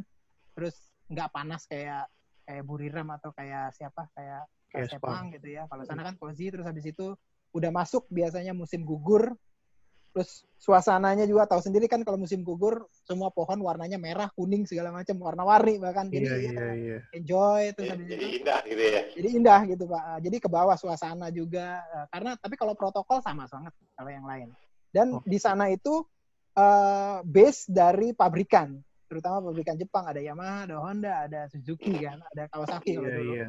Eh, sehingga pabrikan Jepang tuh walaupun itu adalah notabene-nya adalah tracknya Honda, tapi hampir semua pabrikan di situ ngumpulnya eh, all out gitu, bisa bikin panggung sendiri segala macem dan itu heboh banget gitu, heboh banget kalau di Jepang. Tapi hebohnya Jepang nggak kayak hebohnya kalau di Malaysia gitu, jadi crowd-nya nggak kita masih bisa akses gitu, masih bisa deket. Walaupun sebagai penonton bisa akses itu dan satu lagi kalau di Motegi gratis kita masuk ke museum Motegi. Kita bisa lihat Oh iya iya. Honda dari zamannya Honda 1 dari tahun 53 sampai terakhir. Dan motor-motor Grand Prix-nya dan juga beberapa mobil-mobilnya. Dan itu menurut saya sih eh, bonusnya sih kalau nonton di Motegi bisa bisa masuk ke museum apa namanya Honda Honda, Collection Hall ya Honda Collection Hall gratis gitu. Oke, banyak- mungkin ada pertanyaan lain? Yang lain? Terima kasih ya, Wak. Ya, Ya, ada yang lain pertanyaan? Kalau nggak ada, mungkin Mas Taufik ngasih pertanyaan, satu pertanyaan. Nanti ya, Gua udah udah udah udah udah ditanyain belum ya sebenarnya Belum. Kalau apa itu? Oh, Kang Yoga, saya Kang Yoga, monggo, silakan. Satu ya. Terakhir ya Kang Nah, Yoga ya. Kalau udah ditanyain sama teman-teman yang lain di dikasih tahu aja ya. Kalau gue penasaran ini Ji lebih ke apa? Eh, apa sih yang paling sulit kalau pada saat menyiapkan eh, eh, jawaban atau misalkan data-data yang yang harus kita siapin itu yang yang paling ribet sebenarnya lebih ke apa sih kalau untuk ya har- eh, besoknya kita mau mau eh, live gitu yang paling susah yang paling ribet apa gitu menurut menurut lo gitu? Kalau dari gua sendiri sih ngeliatnya semuanya ribet gitu. Ilmu Oh, iya. data ya pengetahuan ya kayak gitu gitu lah Ya, dari eh, dari lo sendiri menurut lo data-data terutama kalau misalkan kita kan gini salah satu yang paling susah sih ya adalah kalau misalkan kita memperoleh eh, akses untuk menginterview eksklusif. Itu jauh lebih susah. Kayak misalkan di beberapa occasional di beberapa Grand Prix saya eh, meminta media officer di setiap tim tuh ada media officer gitu ya ke media officer A eh, terus habis itu bertanya ke dia apakah saya bisa menginterview pembalap atau misalkan beberapa manajemen dan itu biasanya yang paling susah. Kenapa? Karena kita harus mempersiapkan pertanyaan-pertanyaan tersebut gitu. Mulai dari ice breakingnya kayak gimana sampai eh, beberapa pertanyaan-pertanyaan yang krusial yang yang yang diingin tahu oleh semua pembaca pada dasarnya itu yang susah untuk bisa delivernya. Terutama juga kita mesti nyiapin pakai bahasa Inggris kan. Semuanya kayak gitu. Itu kan itu yang paling susah sih di situ sih. Kalau yang lain-lain sih em, seperti juga MotoGP yang protokolnya sama semua, hampir tulisan-tulisannya kecuali ada beberapa berita-berita spesial yang khusus pada hari itu nggak terlalu jauh berbeda sih cara nulisnya gitu. Yang udah pasti satu yang untuk media itu dilarang eh, video gitu. Itu saya eh, beberapa kali beberapa kali bilang ke teman-teman sekalian kalau teman-teman sekalian yang mau daftar di sana memang ada regulasi bahwa media itu dilarang mengpublish pada dasarnya. ya. Jadi kalau merekam boleh aja kalau buat pribadi segala macam. Cuman kalau mempublish itu yang eh, strict nggak boleh gitu ya. Eh, kemungkinan mungkin nggak ketahuan atau segala macam. Cuman kalau pas lagi ketahuan eh, blacklistnya lumayan.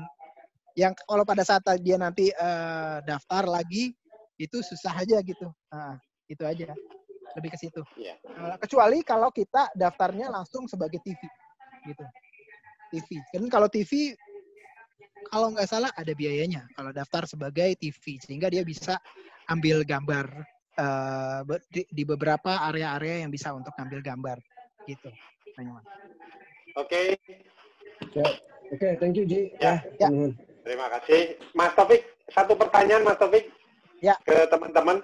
Mungkin nanti Satu akan aja ya. ada gimmicknya. Satu aja. Satu aja ya. Ya, satu. Eh, siapa yang finish di urutan 5 di Grand Prix tahun 2010? Wih, mantep nih pertanyaannya nih.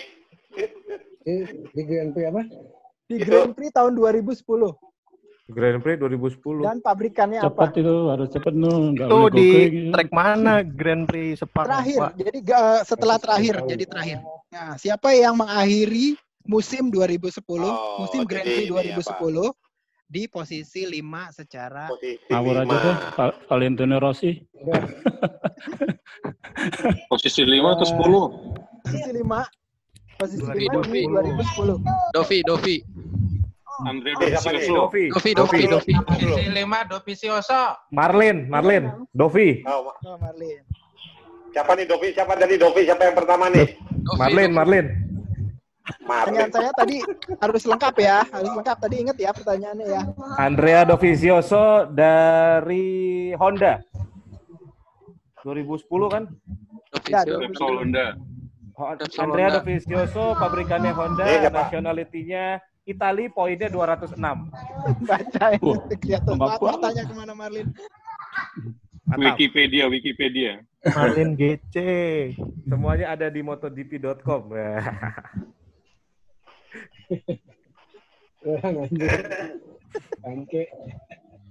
Jadi mana nih siapa nih tadi antara Le- Mas Leo sama Mas Ari nih? Enggak, enggak. Berdua nih. Tadi tadi nanyanya posisi 10 apa posisi 5?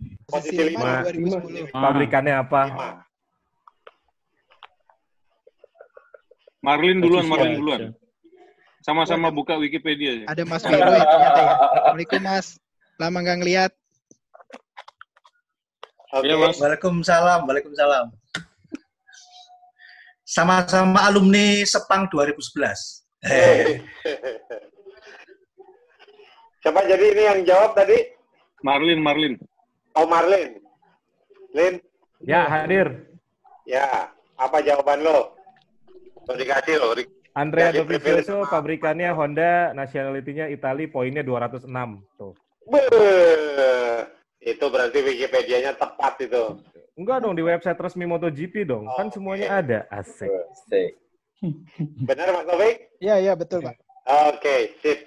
Ya. Marlin ya yang jadi pemenangnya. Karena kamu ini Lin. Mantap. Mas namanya. Taufik, satu lagi Mas Taufik. Pertanyaan yang terbaik siapa ya tadi buat satu penanya. Nanti dapat pertanyaan terbaik itu dapat jam tangan kalau nggak salah jam tangan sama Fit. Oh iya iya iya iya. Oke ya. Ji, sepatu ukuran berapa Ji? Hah? Sepatu ukuran berapa Ji? Aduh, tunggu. Eh, ada yang mau tukeran aja sih kalau gua nggak dapet. Wih, kok salah kirim? WhatsApp ke, ke Pak Nyoman ya. Wah, salah kirim. Wah, kirim apa itu? Ya, salah kirim. Ya sudah, saya mencatat pertanyaan, Pak. Selamat Adi, kamu luar Selamat, biasa. luar biasa. Saya bahagia. Ya, keklik. Tapi bohong. Ini bahas. Iya nih. Oke, Mas Topik, siapa Mas Topik? Udah saya kirim ke WhatsApp ke Pak Nyoman ya. Nah, bukan saya. Saya hanya mencatat. Hak prerogatifnya itu. Hak prerogatif. Mas, nanti share-nya ya, Mas. Sekarang,